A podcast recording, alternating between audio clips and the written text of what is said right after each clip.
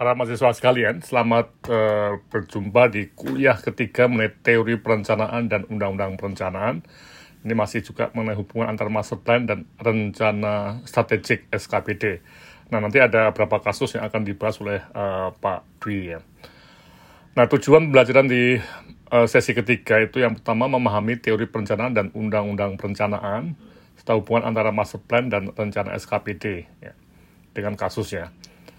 Kemudian yang kedua, memahami konsep perencanaan pembangunan sektor kesehatan di provinsi atau kabupaten kota untuk periode 5 dan 20 tahun, nanti dengan berbagai kasus ya.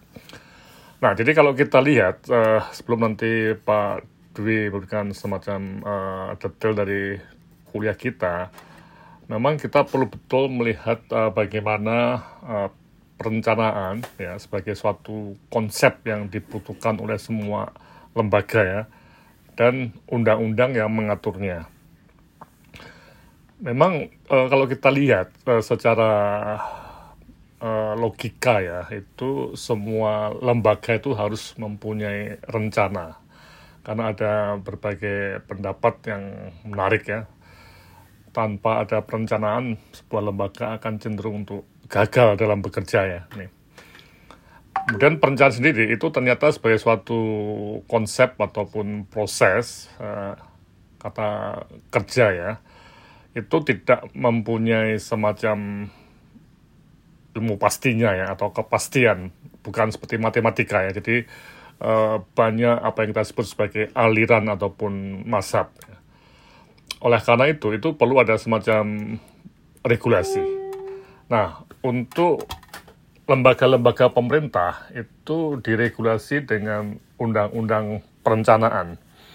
Ya, yang perlu Anda uh, lihat ini undang-undang ini sangat penting untuk melihat bagaimana definisi perencanaan sesuai dengan uh, undang-undang. Nah, ini. Jadi uh, di kuliah ketiga ini Anda semua akan melihat bagaimana uh, teori perencanaan ya, yang mempunyai banyak konsep ya, termasuk yang diaju oleh uh, ya. Jadi teori perencanaan itu akan membawa kita pada suatu hal yang menarik mengenai bagaimana sebuah proses itu bisa dikerjakan secara efektif dan juga mempertimbangkan apa yang ada di masa mendatang ya. Jadi, nah ini yang menjadi isu kunci ketika berbicara mengenai masa mendatang tadi itu berarti ada proyeksi-proyeksi yang bisa meleset tadi. Mohon dilihat ya bahwa perencanaan itu bisa meleset ya.